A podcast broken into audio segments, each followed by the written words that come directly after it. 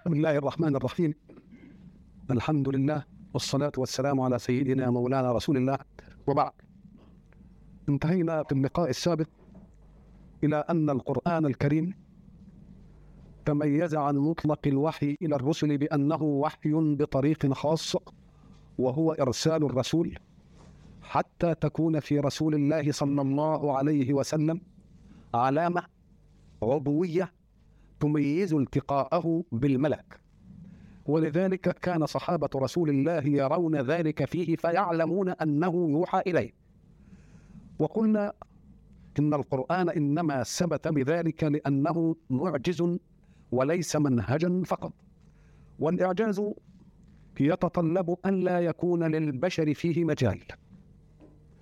لأن الأحاديث التي رواها صلى الله عليه وسلم أحاديث أيضا رواها بالوحي عن الله ولكنه وحي بطريق النفث في الروح فقد يوافق رسول الله صلى الله عليه وسلم الحكم فيقوله وذلك يعتبر توافقا ومرة يعدل له الحكم.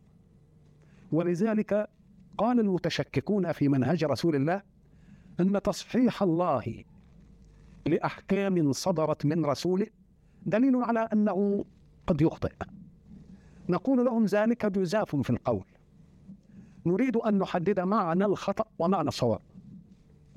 معنى الخطأ أن توجد قاعدة مسبقة. ثم يخالفها المخطئ. فيأتي من وضع القاعدة ليصوبها له. تعلم الناشئ أن الفاعل مرفوع. فيأتي فلا يرفع الفاعل. تصوب له أنت ذلك. معنى أنه أخطأ أنه خالف القاعدة الصوابية التي أعطيها. أما إذا لم تكن عنده قاعدة صوابية فلا يقال أنه أخطأ. لأن أخطأ تكون عنده قاعدة صوابية. فالأشياء التي عدل الله فيها لرسوله أحكاما لم يكن فيها حكم صوابي من الله. ثم خالفه محمد ثم رده الله عن هذه المخالفة. ولكنه أمر لم يرد فيه حكم عن الله. فقال محمد فيه لبشريته المبنية على العصمة وعلى الفطنة وعلى الأمانة ما قال. ولكن أيمكن أن يقول أن يقول قائل أن حكم البشر في قضية مساو لحكم الله في القضية. فحين يعدل الله الحكم لمحمد يبقى ما يقالش إنه إيه؟ إنه صوب له خطأ. أنه هداه لما هو أفضل. ولذلك تجد القرآن دقيق في هذا العطاء. محمد صلى الله عليه وسلم كان عنده عبد اسمه زيد بن حارثة. زيد بن حارثة ده كان ملك لخديجة فوهبته لرسول الله. فوهب قال هذه الهبة قبلت من رسول الله وظل عبدا له. فلما علم أهله لأنه كان خطف منهم وبيع في مكة فلما علم أهله بوجوده في مكة جاءوا إليه. فلما جاءوا إليه هذا أبوه. فخيره رسول الله. فلما خيره رسول الله قال زيد رضي الله عنه ما كنت لأختار على رسول الله أحدا. كلام منطقي.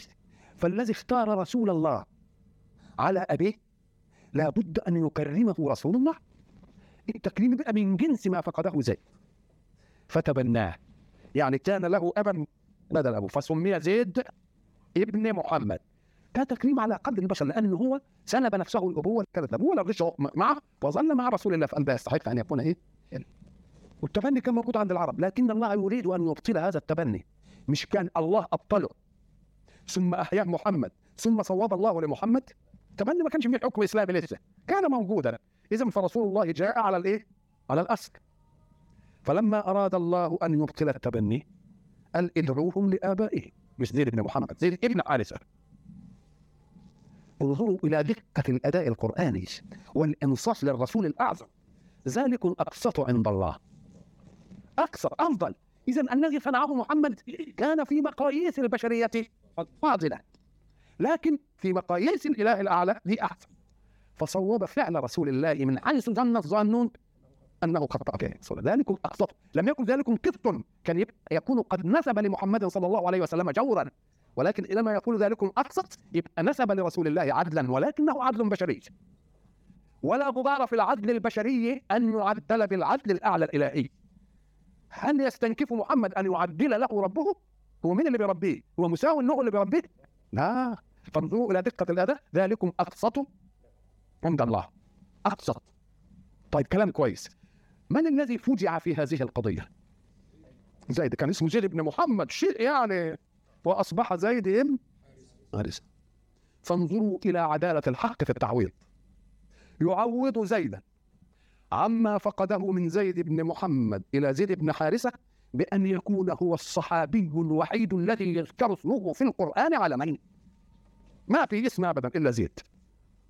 شو الشرف التعويض؟ يبقى اذا لم يقال لا يقال أن الله ولذلك يجب أن يعدل الفهم في قول الله سبحانه وتعالى إن هو إلا وحي إيه؟ يوحى علمه شديد القول إيه وما ينطق قبلها يقول وما ينطق عن الهوى. ما يقول لك ما دام ما بينطقش عن الهوى. ساعة نطق بالحكم الذي يعدله الله. كان حكمه صح؟ يقول له لا مش صح. بس ما كانش عنده الصدر عن هوى ده عن مقاييس كده. المهم إن ما فيش هوى جنح به إلى شيء. آه يبقى اذا لازم نفرق بين الإيه؟ بين الأمرين. ولذلك حينما يعدل الله لرسوله صلى الله عليه وسلم بعض الناس آه، يوم عايز يعني يتك على بشرية محمد وإن أنتم تدوا له أكثر. مثلا نقول له يا أخي رفقا كل عتب من الله لرسوله صلى الله عليه وسلم افهموها أنه عتب لصالح محمد ليس ضده. فرق بين العتبين. فرق بين أن يعتب الرجل على ابنه الذي لا يذاكر وفرق بين أن يعتب على ولده الذي يظل طول الليل يذاكر. هذا عتب وذلك عتب. إنما عتب عليه في الأولى لأنه قصر. ولكن ذلك عتب لصالحه في السليم. يقول أنت بتسحر نفسك ليه؟ مش كفاية كده. قوم أنت وينهره هيقال أن ذلك عتب عليه أم عتب له؟ لا عتب له. رسول الله في قضية ابن ابن أم مكتوم مثلا. عبس وتولى أن جاءه الأعمى وما يدرك وياخذوا منها بقى ويتكلموا طويل. نقول لهم افهموا يا ناس. ما الذي اختاره رسول الله في أمر هذه القصة؟ هل اختار الأمر السهل؟ أم اختار الأمر الصعب؟ ده ربنا بيقول له وما عليك ألا يزك ما قال لا. ما تسالهم الناس دول. أنت تعب نفسك وكفار قريش ليه؟ علشان يامن راجل جاي لك مستوي جاهز عايز يعرف الأحكام كده. يبقى نقول لسهل ابن ام مكتوم ولا صناديق قريش؟ لا. ابن ام مكتوم أسهل. فبتعرض نفسك للأصعب ليه؟ بتعرض نفسك. وأما من جاءك يسعى وهو يخشى فانت انت أنت بتلزم نفسك بغير ملتزم به آه يبقى اذا بيحتب لصالحه ولا بيعتب عليه؟ آه يبقى بيعتب لصالحه. بيعتب لما تحرم ما أحل الله لك يبقى العتب ده بالله لصالحه ولا لغير صالحه؟ بيقول ربنا حل لك الحاجة دي، ليه تنظر نفسك انك تحرمها؟ الله. يبقى اذا العتب في القرآن انما جاء لصالح يجب أن نفهم مقام محمد من مقام ربه. ونفهم أن الله لم يطوب له حكما بمعنى أن الحكم كان موجود فخالفه محمد. وبعد ذلك صواه الله. لا ما كانش في حكم خالص. فاجتهد محمد بشريته. فلما اجتهد محمد بشريته اللي عند ربنا أحسن. وهل نستنكف أن أن يقول اللي عند ربنا أحسن؟ نستنكف. فإذا ما ما عدل له شيئا قد يعدل له لصالحه هو. لصالحه هو. لما تحرم ما أحل الله لك؟ يعني ليه؟ لماذا تنزل نفسك الطريق الصعب؟ أنت لا تقولها إلا لمن تحب لمن تحب؟ وقد ألزم نفسه بشيء أكثر مما يجب إيه؟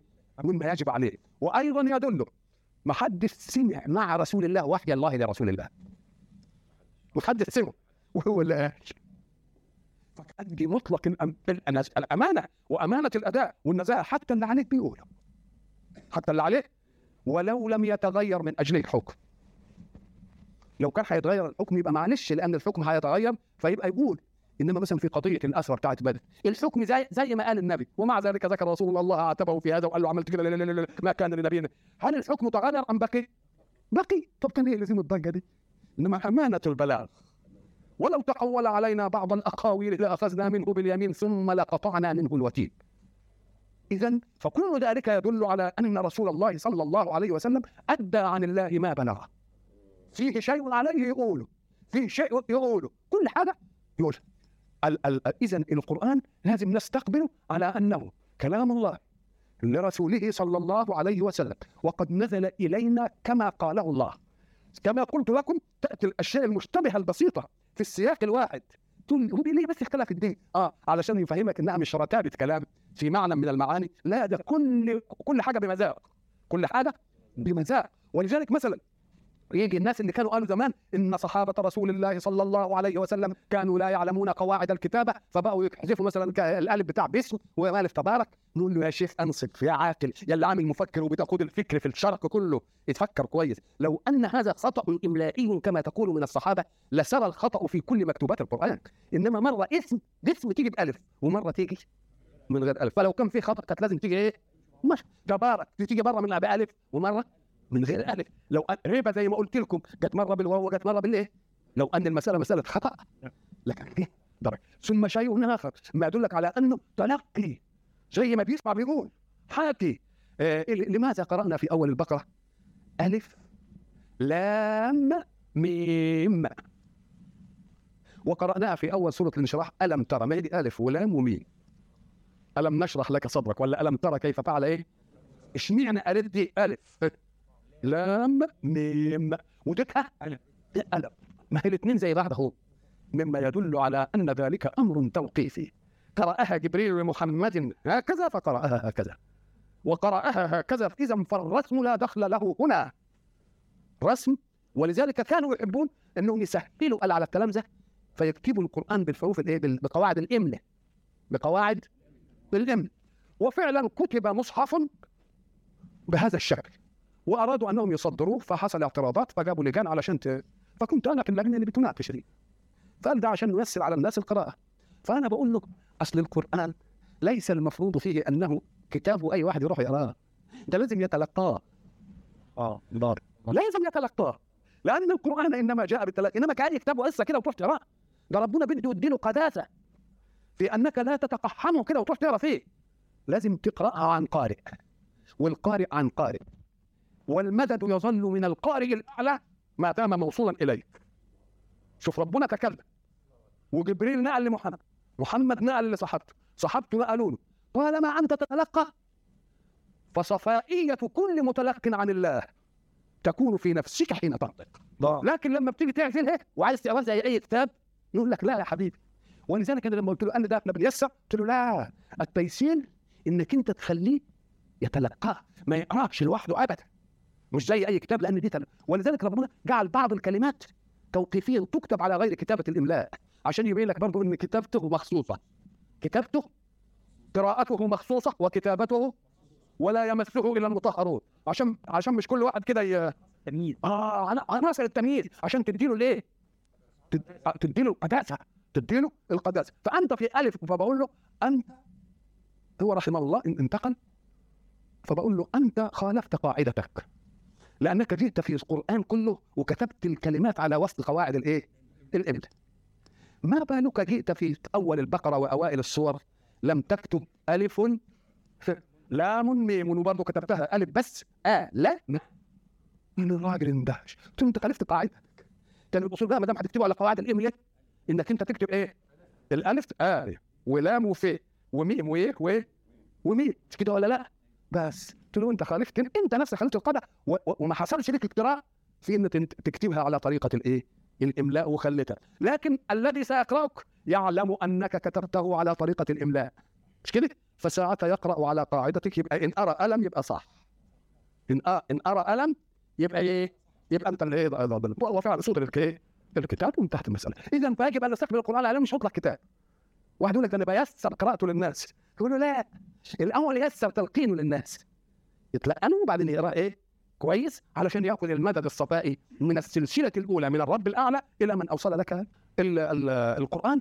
قلنا بقى إن الكون يفسره عم يفسره. ففيه موجتان الآن. موجة في الكونيات تحاول كل شيء يبدو بسيط كده بارقة يروحوا لاحمينها بالقرآن. وموجة تانية تقول لك لا ابعد القرآن عن هذه المسألة لأنها قد تكون خطأ وما تزمزمش الإيه؟ هذا منهج خطأ وذلك منهج خطأ ليه؟ قال لك لأنك يجب أن تفرق بين حقائق علمية ونظريات علمية. إياك أن تربط القرآن بنظريات علمية. لأن النظرية ما دام لسه نظرية تخطأ. فإذا ربطته بالنظرية ثم تغيرت هتقول القرآن يبقى أنت بقى هت إيه؟ هتزمزم في القرآن. لكن هناك فارق بين نظرية علمية وحقيقة علمية. إيه الفرق؟ هو معنى كلمة علم يعني إيه؟ أنا عايزين نفسر كلمة علم. ما هو العلم؟ الألفاظ التي نسمعها في لغتنا كل لفظ له معنى بس معنى مفرد. يعني مثلا سمع مع لنا إنما إيه لونها؟ ما لسه السماء زرقاء السماء مش عارف إيه. ما الناس؟ اذا اللفظ له إيه؟ معنى مفرد. مش في جملة ولا حاجة. الأرض؟ اللي إحنا عليه. الكوب. إنما هل الكوب من هل الكوب مثلا كريستال؟ هل الكوب زجاج هل الكوب صفيح مالناش دعوة. اذا فالألفاظ لها إيه؟ معان في ذاتها. وبعد ذلك تدخل هذه المعاني في جمل. تدخل المعاني في جمل. الجمل دي بتسميها إسناد. محمد ساعة ما تقول محمد نفهم ذات محمد. مش كده؟ وساعة ما نقول كلمة كريم لوحدها نفهم معنى كريم إنه بينزل. لما نقول محمد كريم يبقى عملنا إيه؟ إسناد. اسندنا مين؟ الكرم لمين؟ محمد طويل. محمد قصير. مش كده؟ آه بقت في جملة تركيبية يعني إسناد بنسند له حاجة ساعة تسند شيئا إلى شيء. نقدر نقول لك هذا الإسناد مجزوم به ولا غير مجزوم به؟ الإسناد ده مجزوم به ولا غير مجزوم به؟ يقول لك مرة يبقى مجزوم به ومرة يبقى غير مجزوم به. يقول لي ما دام غير مجزوم به إن كانت النفي والإثبات قد بعض يبقى اسمه شك. اسمه إيه؟ شك. أنا عايز أسند. لمحمد محمد كريم. يا ترى كريم ولا بخيل يبقى في إيه؟ النسبتين قد بعض. يبقى ده اسمه إيه؟ محمد يأتي غد أو لا يأتي. يبقى في إيه؟ شك في الاسم. فإن ترجح واحد يبقى ظن. تقول أظن أن محمدا يأتي غد. يبقى ده غالب الظن إنه إيه؟ فإن كان غالب الظن إنه ما يجيش تقول إيه أتوهم أن يأتي محمد. يبقى النسب التي لا يجزم بها كم نسبة؟ ثلاثة. إما متساويه يبقى شك راجحة تبقى ظن مرجوحة تبقى وهم يبقى كم نسبة عرفنا دلوقتي؟ في غير المجزوم به ثلاث أشياء. شك أد واحد ظن ووهم طب إن كانت النسبة مجزوم به النسبة مجزوم بها تقول له طيب أنت جازم بها صحيح إنما هو الواقع كده ولا غير كده؟ يمكن جازم بكذب. يمكن جازم أقوم أقول له آه إن كان مجزوم به وده ما هوش الواقع أهو ده الجهل. يبقى الجهل هو إيه بقى؟ هل الجهل ألا تعلم ولا أن أن تعلم عكس الواقع؟ هذه هذه هذه صعوبة الجهل. الناس يظنون أن الجهل أن لا تعلم. لا يا ريتك ما تعلمش. إنما الجهل أن تعلمه خطأ. يبقى إن كنت جازما بها وهي غير واقعة فذلك جهل. نشوف بقى. فذلك إيه؟ جهل. طيب لا مجزوم بها وواقع يقول له تقدر تدلل عليه؟ يقول لك نعم أقول له ذلك هو العلم. يبقى العلم إيه؟ نسبة مش كده؟ يعني اسناد ومجزوم به وعليه دليل. طب فإن كان نسبة مجزوم بها مع له مش قادر أدلل عليه. نقول ده تقليد. زي الولد ما بيقلد أبوه قل هو الله أحد ويقعد يكرر فيه. لسه ما عندوش عقل. ياخد الدليل يبقى بيقلد مين؟ أبوه. أو بيقلد أستاذ. يبقى النسب المجزوم بها كم نسبة؟ إما جهل إذا كان جازما بها وهي غير حاصلة وإما تقليد إذا كان جازم بها ووقع بس مش قادر يدلل عليه. وإن كان جازم به ووقع وقادر يدلل عليه ده العلم. فهل يصطدم القرآن مع العلم؟ لا يصطدم مع النسب الأخرى. يصطدم مع الجهل يصطدم مع التقليد يصطدم مع الشك يصطدم مع الظن يصطدم مع الوهم. أما شيء ثبت أنه علم لا يمكن أن يصطدم. آه لأن قائل القرآن هو خالق الكون. وما دام قائل القرآن هو خالق الكون يبقى ما فيش حقيقة علمية كونية تناقض حقيقة قرآنية. متى ينشأ التناقض؟ إذا كان في نسبة من الإيه؟ من النسب الثانية. تقول له آه إذا كانت دي حقيقة قرآنية وعلمية ودي حقيقة كونية يبقى ما فيش فيه إنما الغلط أن تفهم أن هذه حقيقة كونية وليست حقيقة كونية. فتصطدم بحقيقة قرآنية.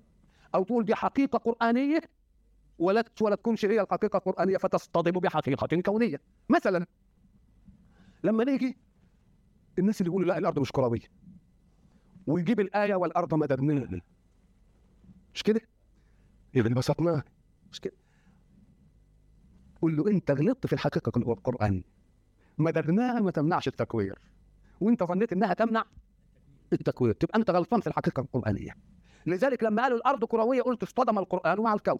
نقول اصطدم القرآن بفهمك أنت لأنك فهمت حقيقة قرآنية وهي ليست بل الحقيقة القرآنية مناقضة لقولك. ليه؟ قال لك لأن معنى والأرض مددناها.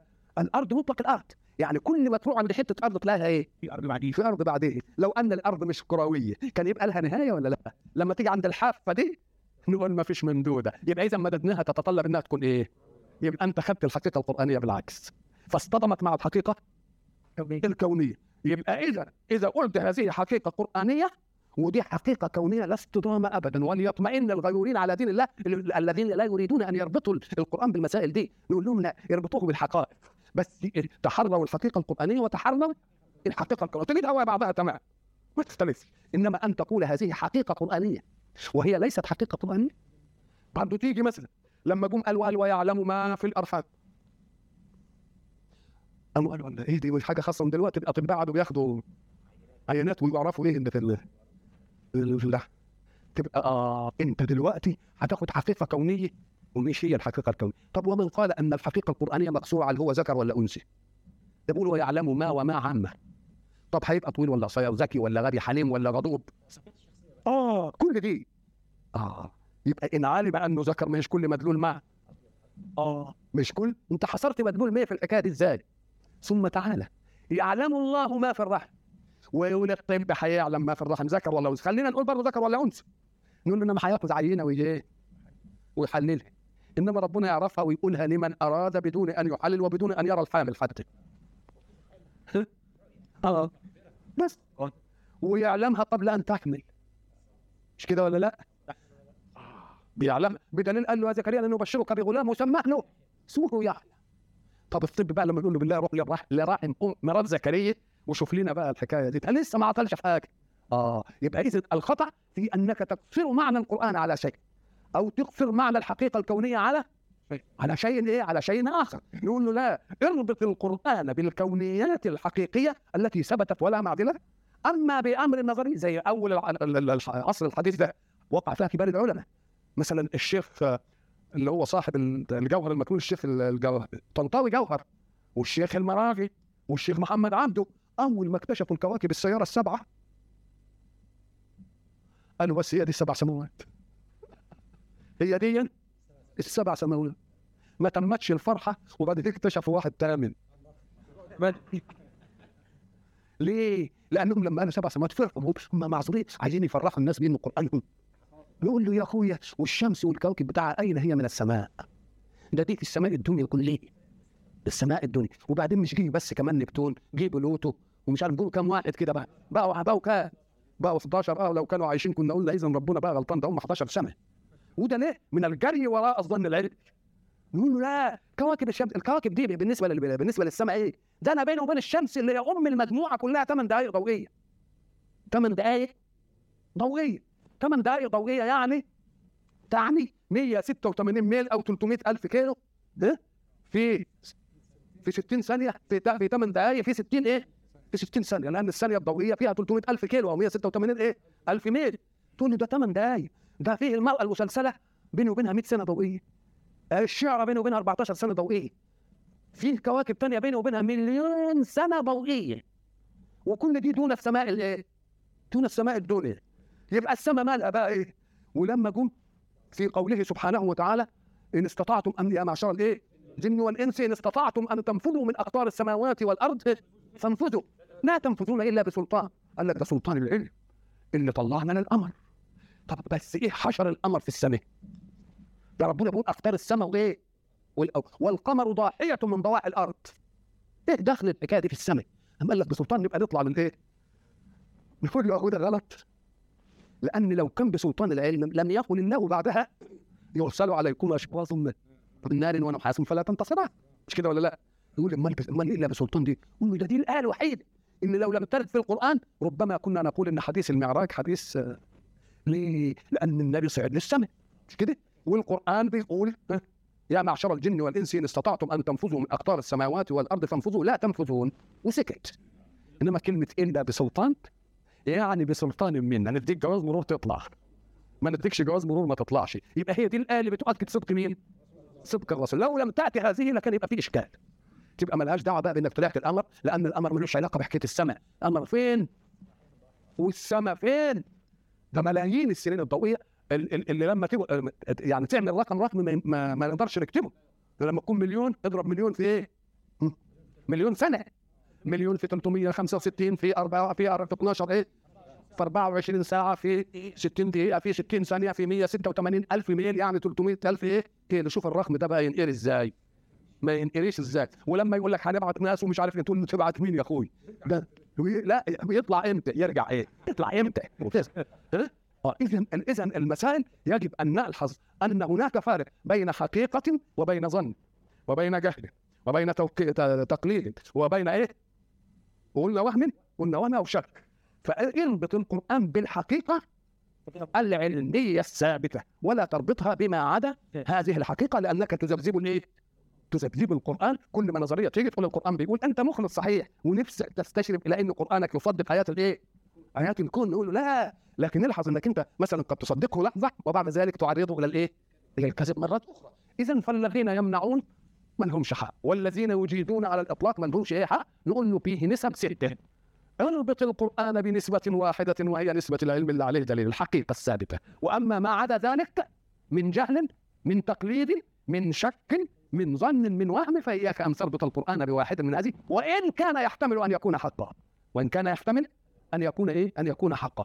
حينئذ نجعل القرآن قيم على ما يحدث في الوجود. لأنه مهيمن فإن قال القرآن قضية وقال الناس بأي شكل قضية وهي تناقضه نقول له لا القرآن مهيمن لأن كلامك ظن أو وهم أو شك أو تقليد أو جهل. وكلام الله يقين. فعدل نفسك كده لحد ما إيه؟ لحد ما يشوف. ولا عيب أن لا تفعل. لأنه ليس في أمر تكليفي في أمر؟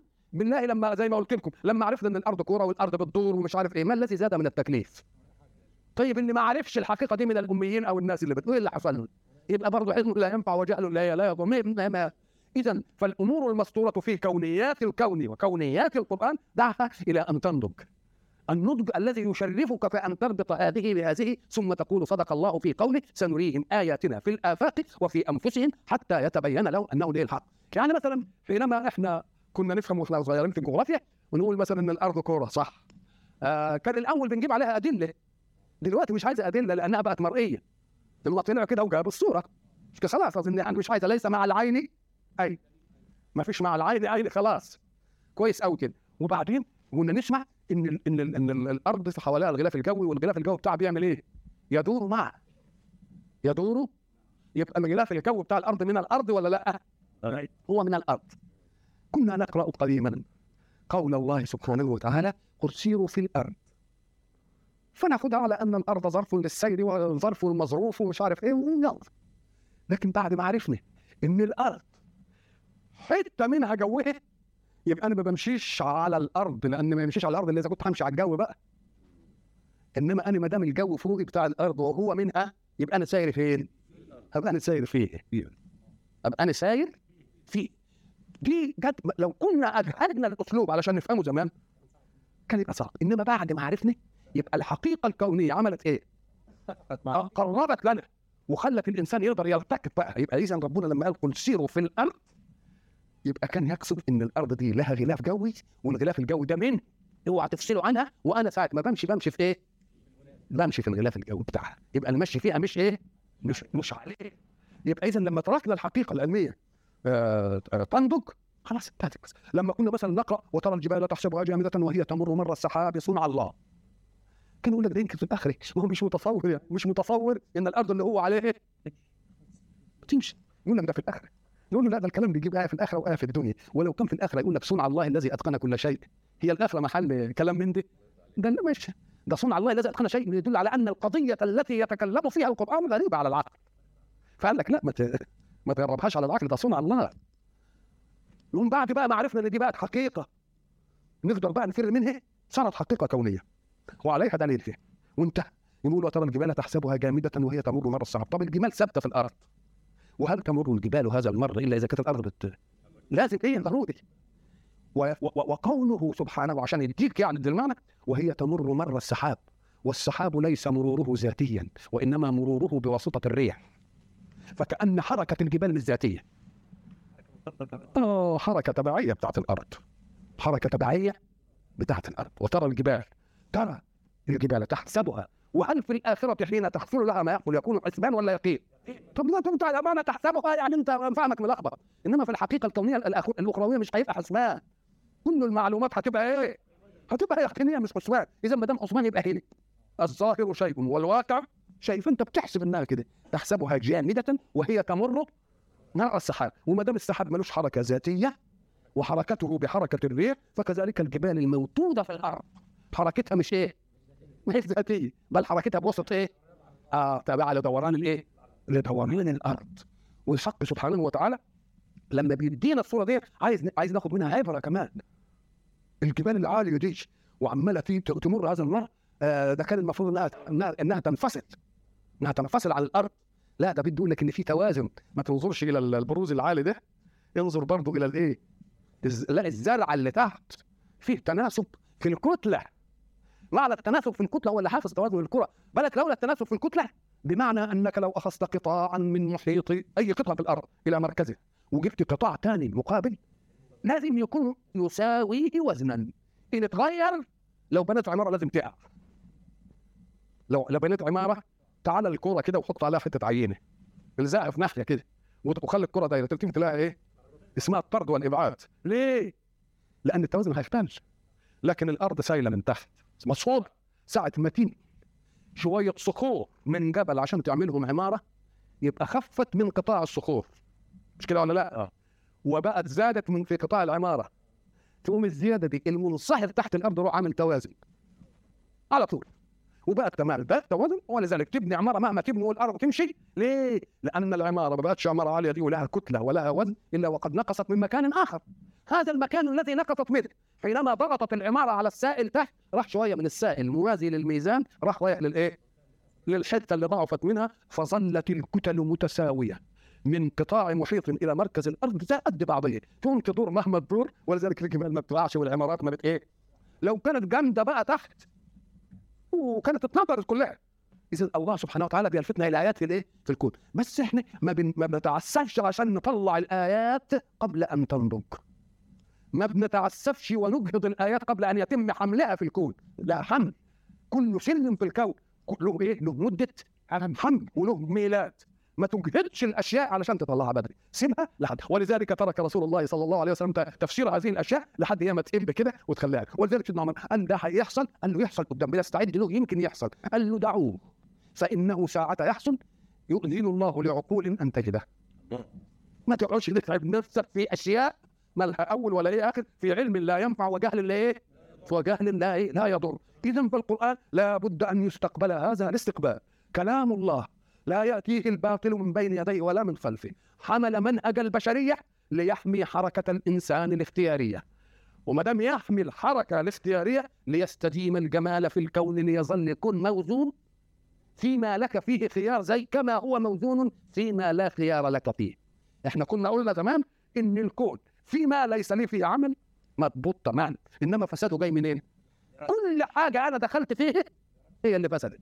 لأنني دخلت فيها بدون منهج الله. ولو دخلت في الأمور الاختيارية بمنهج الله لاستقام جمال الكون. كما استقام جماله فيما لا دخل لك فيه. أنا ضربت مثلا كنت لما تروح مثلا آه غابه أو روضة لم يدخلها إنسان. تقوم تلتفت تلاقي الجمال انت وبعدين روضة تانية الناس إيه؟ عرفوها بقى وروحوها في الأجازات والمش عارف إيه تلتفت بقى تلاقي بقى الورق الملفوف وقشر الموز وقشر البرتقال والعظم ويوسف السمك ومش عارف إيه والعيال شكت هنا والولد عمل هنا وقرفوا الدنيا لأنهم دخلوها بغير منهج الاحتياط. لو سموها كده زي ما هي تروح تلاقيها كمان ال... ما فيش أحسن من كده. وتلتفت تلاقي حتى الحيوانات تعيش على بعضها. وتعيش على الفضلات بتاعتها تسمد ال- الله. يعني شغلانه كده. إذا منهج الله جاء ليعصم الحياة من حركة الإنسان الاختيارية ليظل جمال الكون موجودا. وإذا ظل جمال الكون موجودا رضي الم... رضي الموجود عن الوجود. وما دام رضي الموجود عن الوجود استقامت أنفاسه وحركته. لأن ما يجيش نقد في القلب إلا عدم رضا. فما دام أنت ترضى على الوجود يبقى جميل قدامك كده لا تفكر إلا في الجميل ولا تصنع إلا في الجميل. ما فيش حد قال خلاص يبقى الكون كله إيه؟ كل كله جميل. اذا منهج الله بالقرآن إنما جاء ليهدي للتي هي أقوى.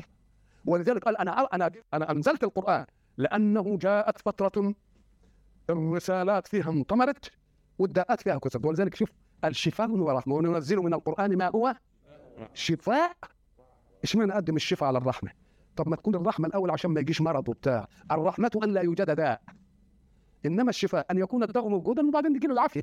فاللي حدث ولما جاءت الرسالة المحمدية كانت الداءات موجودة ولا لا؟ فجاء ليشفي من الداءات اولا. فإذا شفى من الداءات اولا واستقر منهجه في الأرض وحكم حركة الحياة تبقى تيجي الايه؟ تبقى تيجي الايه؟ الرحمة. ليه؟ لأن الأصل في الأشياء إنك أنت تمنع الشر اللي طرأ عليها اولا، درء المفسدة مقدم على جلب الإيه؟